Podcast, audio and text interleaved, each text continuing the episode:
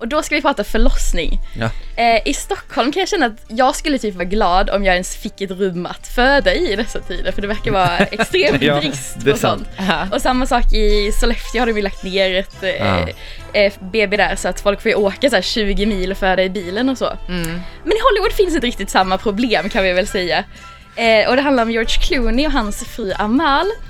Eh, hon är gravid och ska föda i sommar och George Clooney vill ju se till att det här ska bli den bästa förlossningen någonsin.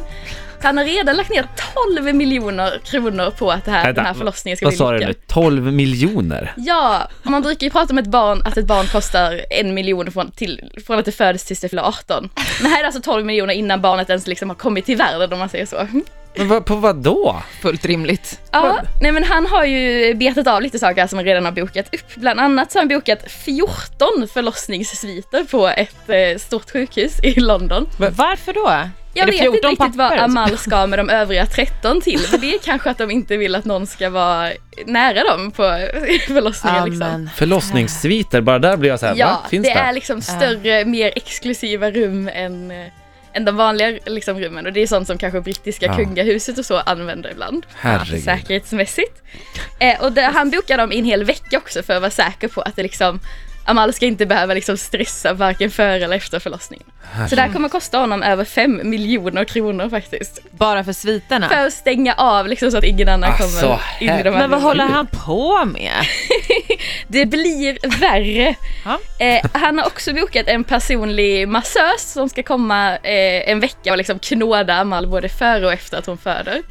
Och det kan ju verka härligt men det är ju liksom inte vilken massör som helst utan han har ju flugit in en massör från Italien som ska vara världens bästa. Som tar två miljoner för att finnas på plats. liksom What? Då är han runt. fan bra Ja, då alltså. ska han vara bra alltså. Eh, och det finns mer, han har också beställt två andliga vägledare kallas de, som ska liksom peppa Amal för att föda ut det här barnet. Och de kostar en och en halv miljon styck. Det här är What? Alltså, det här är ju bisarrt. det är ju sjukt. Och Jag skojar inte! Och Amal ska såklart inte äta vanlig sjukhusmat utan han har ju hyrt in en stjärnkock som kommer att finnas på plats. Ja, och laga fast det speciell kan man ju förstå. Ja, ja, ja. Amal vill ha sin favoritpasta från Venedig så Ja. den måste finnas på plats hela veckan. Ja, ja, här går det inte med vanlig Coop-pasta. Nej, nej, nej. Och sen till slut har han också bokat upp brittiska kungahusets barnmorska som ska hjälpa till. Man vill ju inte lämna det här i händerna till vem som helst. Nej, Jag hoppas att det går bra. Så man kan ju hoppas nu att den här Ja. förlossningen blir lyckad. Feel the beat.